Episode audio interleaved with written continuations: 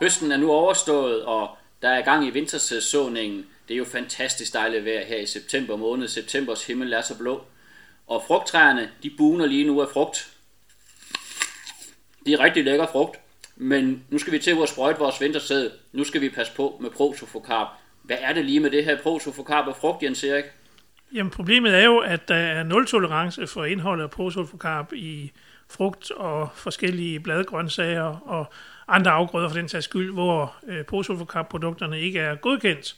Og derfor skal man passe rigtig meget på at øh, holde produktet på sit eget areal, øh, og så for at det ikke kommer over på æbler og andre øh, følsomme afgrøder. Det er rigtigt. Og velkommen til podcast Din Mark lige nu, hvor vi i dag har fokus på prosofokarp og hvordan vi håndterer det her i efteråret. Med mig i studiet her i dag er Jens Erik Jensen, landskonsulent for Sikkes Innovation, og Henrik Ryberg, som er Sales and Field Technicians fra Syngenta. Og jeg hedder Carsten Fabricius og også landskonsulent på Sikkes Innovation. Og Henrik, hvad er det nu lige prosulfocarb det egentlig er? Jamen, øh, prosulfocarb, det er jo et af de rigtig, rigtig vigtige øh, aktivstoffer, vi har. Altså et, et, et kemisk produkt, som er virkelig velegnet til at bekæmpe græssekrudt i efteråret. Og man kan sige, at det er et af de vigtige øh, produkter i, i forhold til den her resistensstrategi i det hele taget, at vi, at vi slås med i det danske marked. Så man kan sige, at alle de her vintersæsmarker, der bliver sået nu her i efteråret, der vil en meget stor andel af dem faktisk blive behandlet med prosulfocarb. Og prosulfocarb til dem, der sådan lige tænker, hvad er det nu lige det er, jamen det er jo egentlig Boxer, Fidox eller Roxy. Det er sådan set tre salgsnavne, der har det samme aktive stof i. Og hvad er det, der gør, at det her prosofokarp, det kan fordampe eller afdrifte, for der er forskellige måder, man kan få forurenet det her frugt og grønt, der er ude i, i markerne. Ja, prosofokarp har den egenskab, at det har en vis øh, flygtighed. Alle, alle de pesticider, vi bruger, er karakteriseret ved noget, der hedder et damptryk, som, som viser noget om, hvor flygtige de er. Og der ligger prosulfocarb desværre i den lidt høje ende, hvad angår flygtighed. Øh, andre, andre aktive stoffer, vi bruger, der er flygtige, der kunne vi for eksempel nævne øh, pentimetallin, det vi kender fra stomp, øh, klomazon, det vi kender fra Centium og Clomate, og MCPA, øh, det er også nogle forholdsvis flygtige aktive stoffer. Så prosulfocarb er ikke det eneste, men det, øh, i og med, at det bliver brugt så, så udbredt, så er det et aktivt stof, der er i fokus. Så det specielle her, det er, at der er noget, der er flygtigt, og man har jo selvfølgelig også den risiko for, at man kan få rene frugt og grønt med en helt simpel afdrift efter dysen, øh, når man kører derude med for meget vind eksempelvis. Og det er jo helt rigtigt, at det er, øh, flygtigheden er en vigtig faktor, men i praksis så er det øh, at forebygge øh, afdrift, altså forebygge direkte flytning af dråber med pesticid fra det sprøjtede areal over på naboarealer med frugt og grønt. Det er egentlig det, vi har allermest fokus på, fordi det er der, der sker den største forurening øh, ved, den, øh, ved, den, øh, ved det fænomen. Kan vi sige noget om omfanget med forureningen af frugt og grønt? Vi blev først opmærksom på problemet øh, i 2007-2008, hvor man ved man kan sige næsten ved en fejltagelse fandt øh, produktet i forbindelse med nogle øh, forsøg i æbler.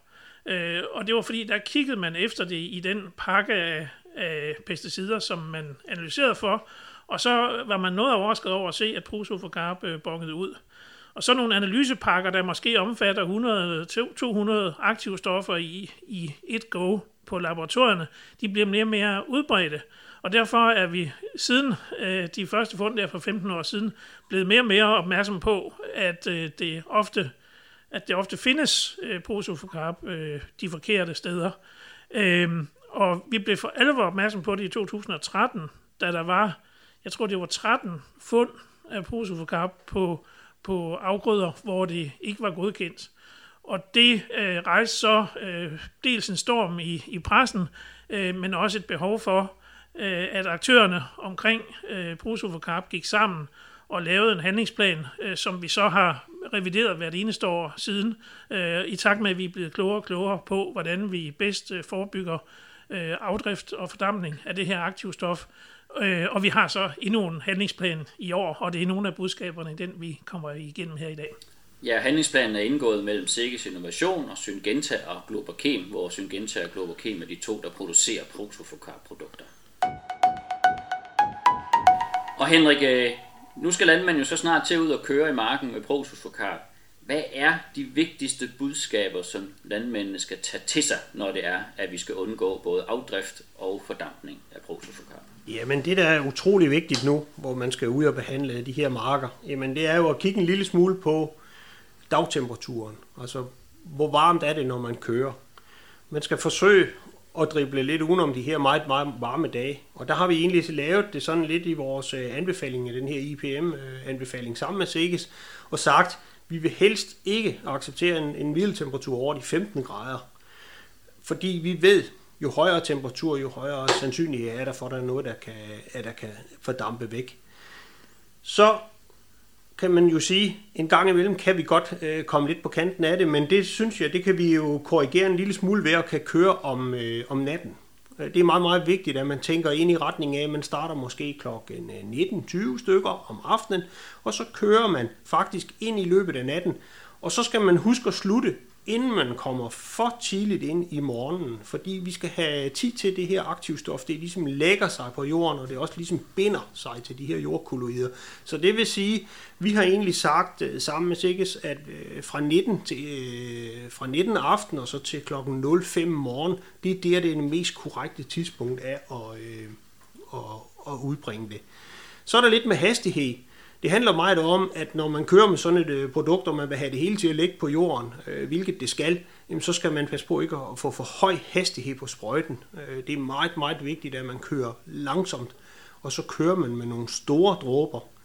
Og de store dråber, der har vi opfordrer til, at man øh, strammer den lidt yderligere. Det er sådan, at vi har en, reduktions, øh, øh, en afdriftsreduktionskrav i dag på 75 procent, men vi opfordrer faktisk til, at alle, der køber nye dyser og, og vil gøre det rigtig godt og ligger i nogle problemområder, at de opgraderer faktisk til en 90 procents reduktionsdyse. Og det betyder med andre ord bare nogle lidt større dråber.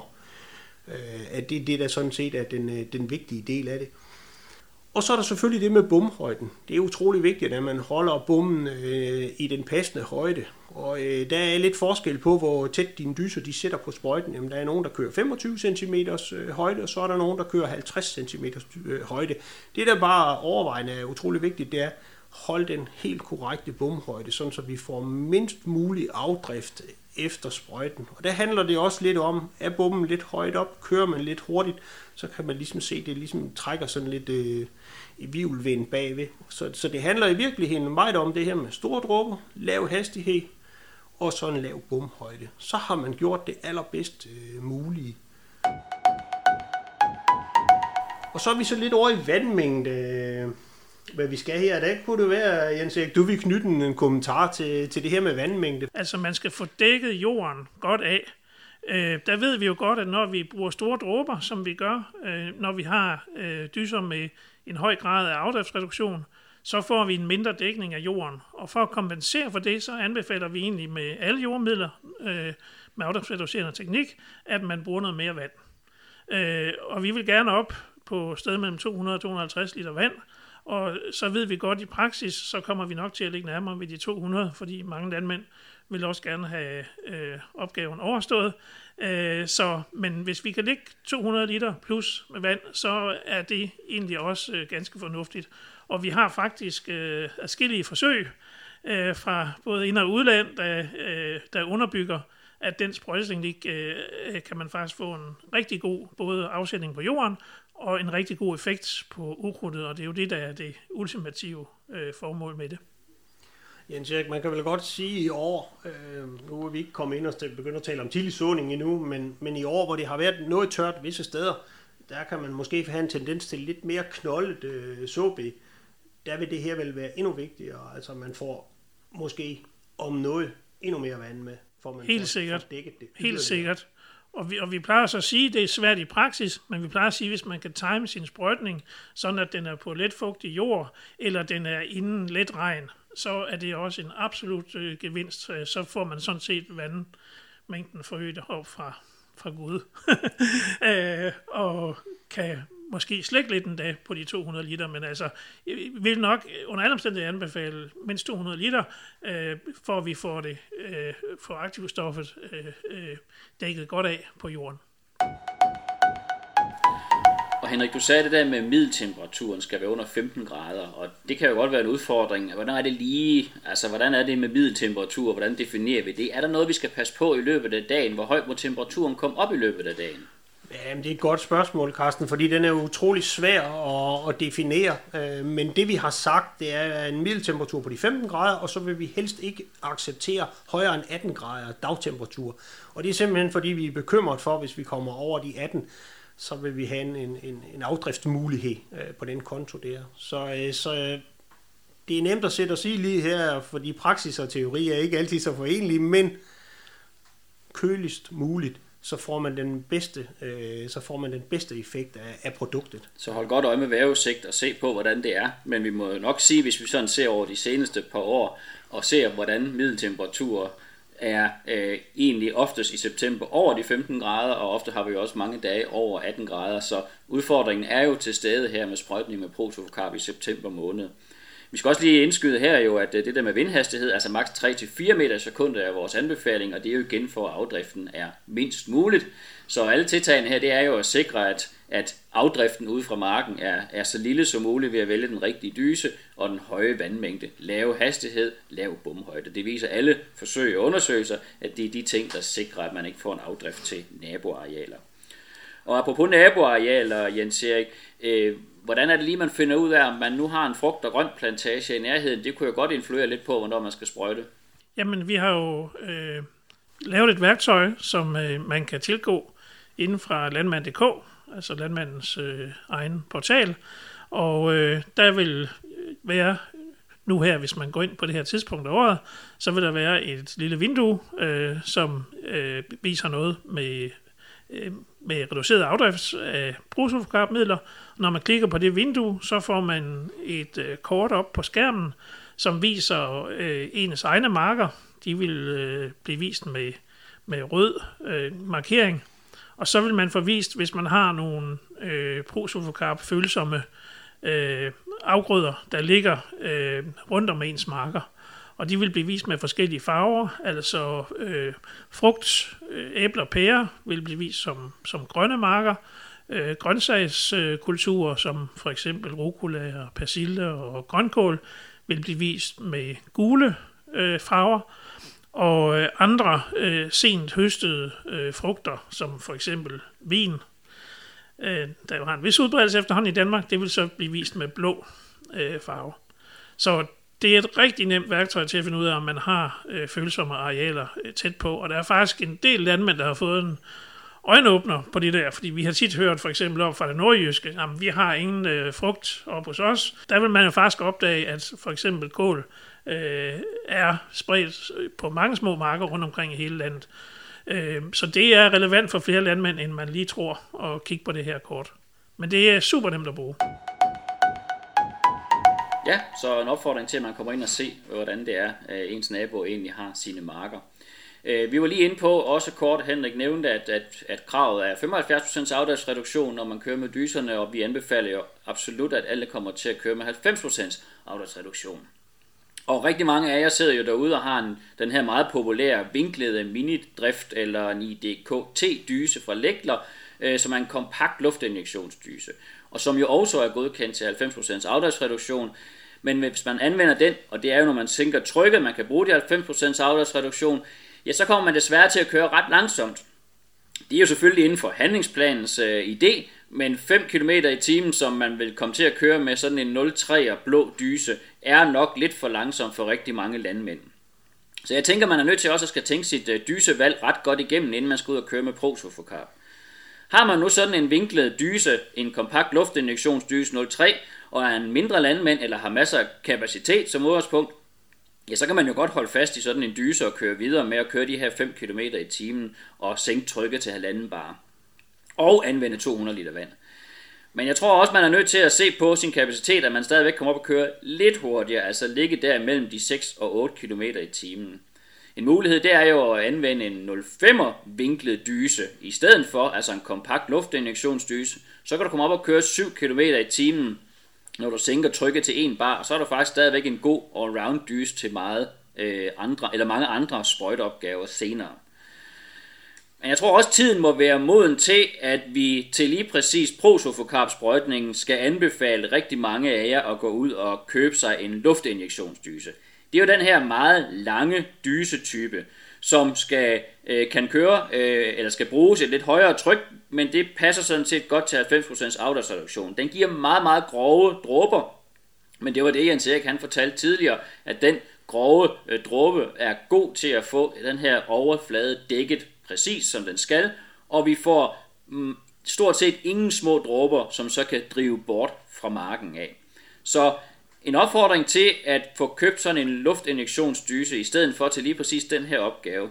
Og det er jo ikke fordi Prosofocarb er en lille opgave, det er jo faktisk årets vigtigste sprøjtning i vintersædet.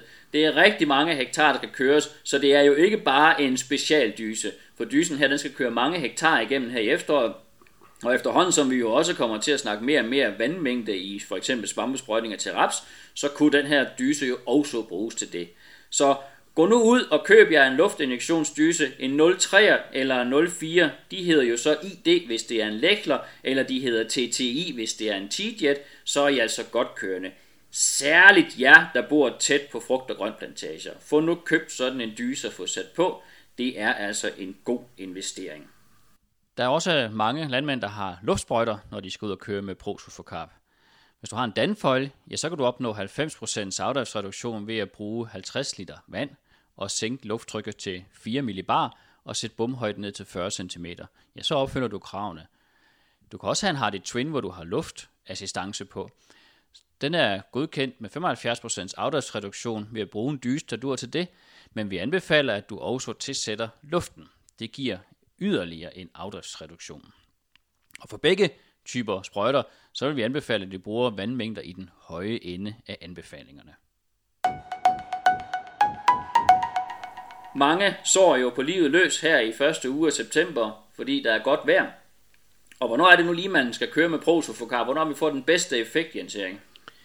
Når sprøjtesporene lige netop er synlige, og det er jo øh, typisk 8-10 dage efter såning, her ved de tidlige såning. Og det er altså kritisk. Og derfor så siger vi også, at man skal nok overveje, hvis man sover tidligt. Øh, da kan være gode grunde til det. Der kan også være gode grunde til at bevidst at trække såningen lidt. For eksempel, at man har meget græsukrudt, så er det jo rigtig vigtigt, at man får høj effekt af, af jordmidlerne. Øh, men hvis man sår tidligt for at øh, kompensere for de her efterafgrøder, som man gerne vil undgå, jamen øh, så skal man overveje meget seriøst, om man skal have prosofokarp med i sprøjtningen der, lige omkring afgrødens fremspiring.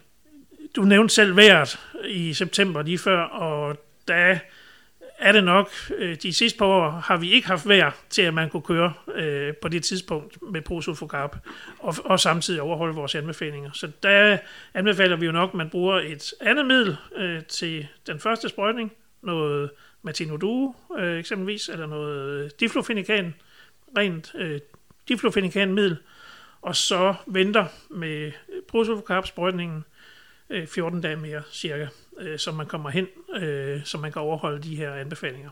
Jeg kan kun sige, at det er fuldstændig i vores interesse også, fordi vi, vi kan i hvert fald ikke bare køre, fordi så risikerer vi at, at miste uh, på den, på den lange bane, så jeg giver Jens Erik 100% ret. Det vi selvfølgelig kan sige, at der kan risikere at opstå, det er, at vi kommer ind i et lidt andet værsystem øh, nu her. Det kunne se ud som om, der kommer lidt mere vand, og det kunne måske gøre, at temperaturen bliver skruet lidt ned. Jeg ved godt, jeg er en lyseslukker, når jeg siger, at jeg kunne godt tænke mig lidt køligere vejr, men det kunne jeg rent faktisk godt, netop fordi så ville det være muligt øh, at komme ud og køre med den her løsning, øh, at vi ved, at vi blander noget matino og noget bokser sammen, for vi ved, det er sådan set den, den skarpeste løsning, og, det, og vi har brug for den skarpeste mulige løsning, når vi arbejder øh, med det tidlige. Men, øh, men af respekt for, at vi også skal kunne være her i morgen, så er vi nødt til at gøre som, som Jens Erik, så må vi dele øh, sprøjtningerne, hvis, øh, hvis det er for varmt derude. Og øh, nu har vi snakket temperatur. Vi har talt om vindhastighed, der kan flytte dråber, små dråber bort.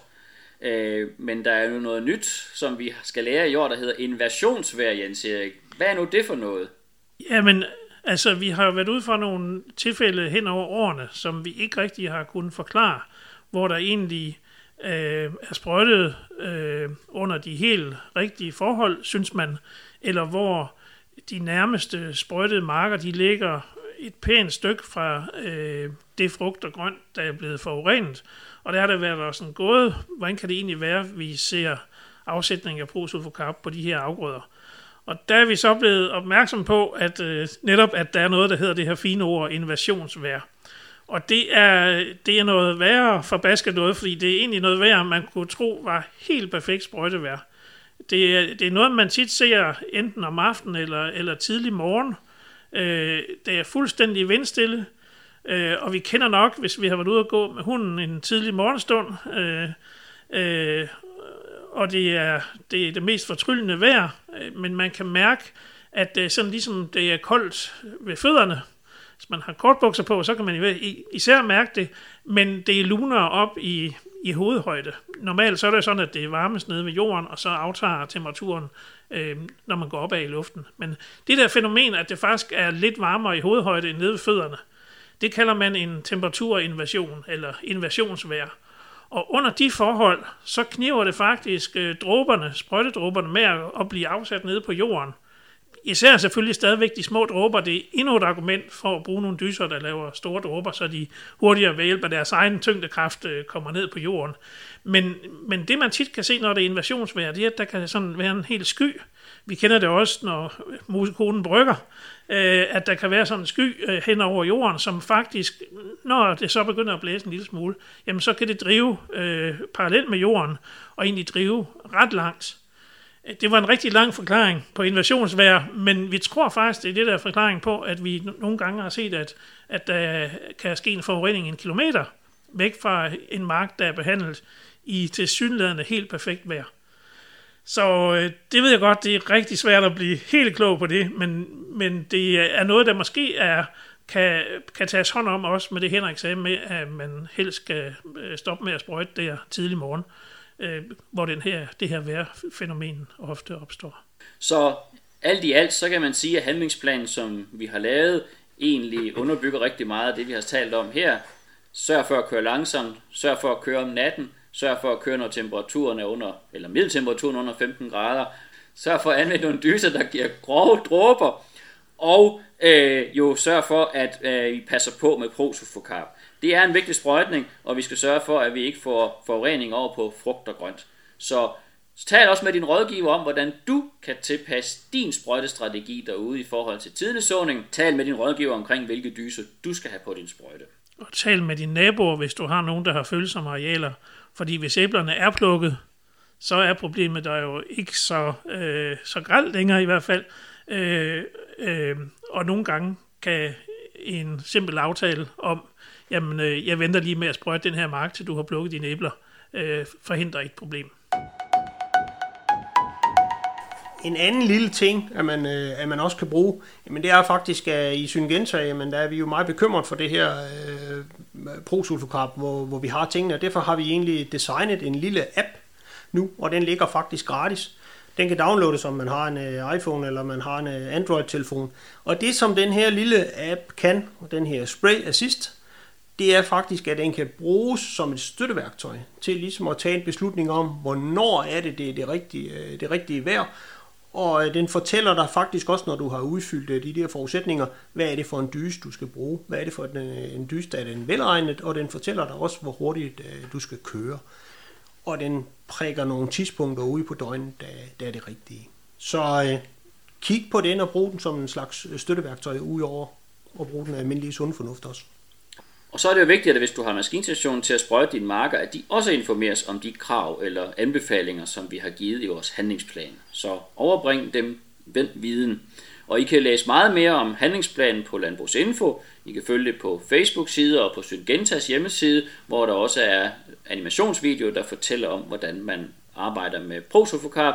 Og rigtig mange af jer har fået udleveret fakta i forbindelse med, at I har fået købt prosofokarb i grovvaren. Jeg håber, at du nu har fået en masse input til at tildele prosulfocarb korrekt, så du opnår den bedst mulige virkning og tager hensyn til naboer. Og husk så, at hvis det ikke er dig, der skal ud og køre i marken, men det er din markmand eller din maskinstation, så kan du dele podcastlinket med dem. Og er du blevet opmærksom på podcasten på Facebook, så kan du tagge dem i kommentarfeltet, hvis de også er på Facebook. Og endelig så skal du huske, at lytter du til podcast gennem Spotify's eller Apple Podcast Player, så søg på din mark lige nu, så får du altid det nyeste afsnit af Markrelevant Podcast ind i dit feed. Og tak fordi du lytter til podcast for Sikkes Innovation. Det er altid ny viden på vejen.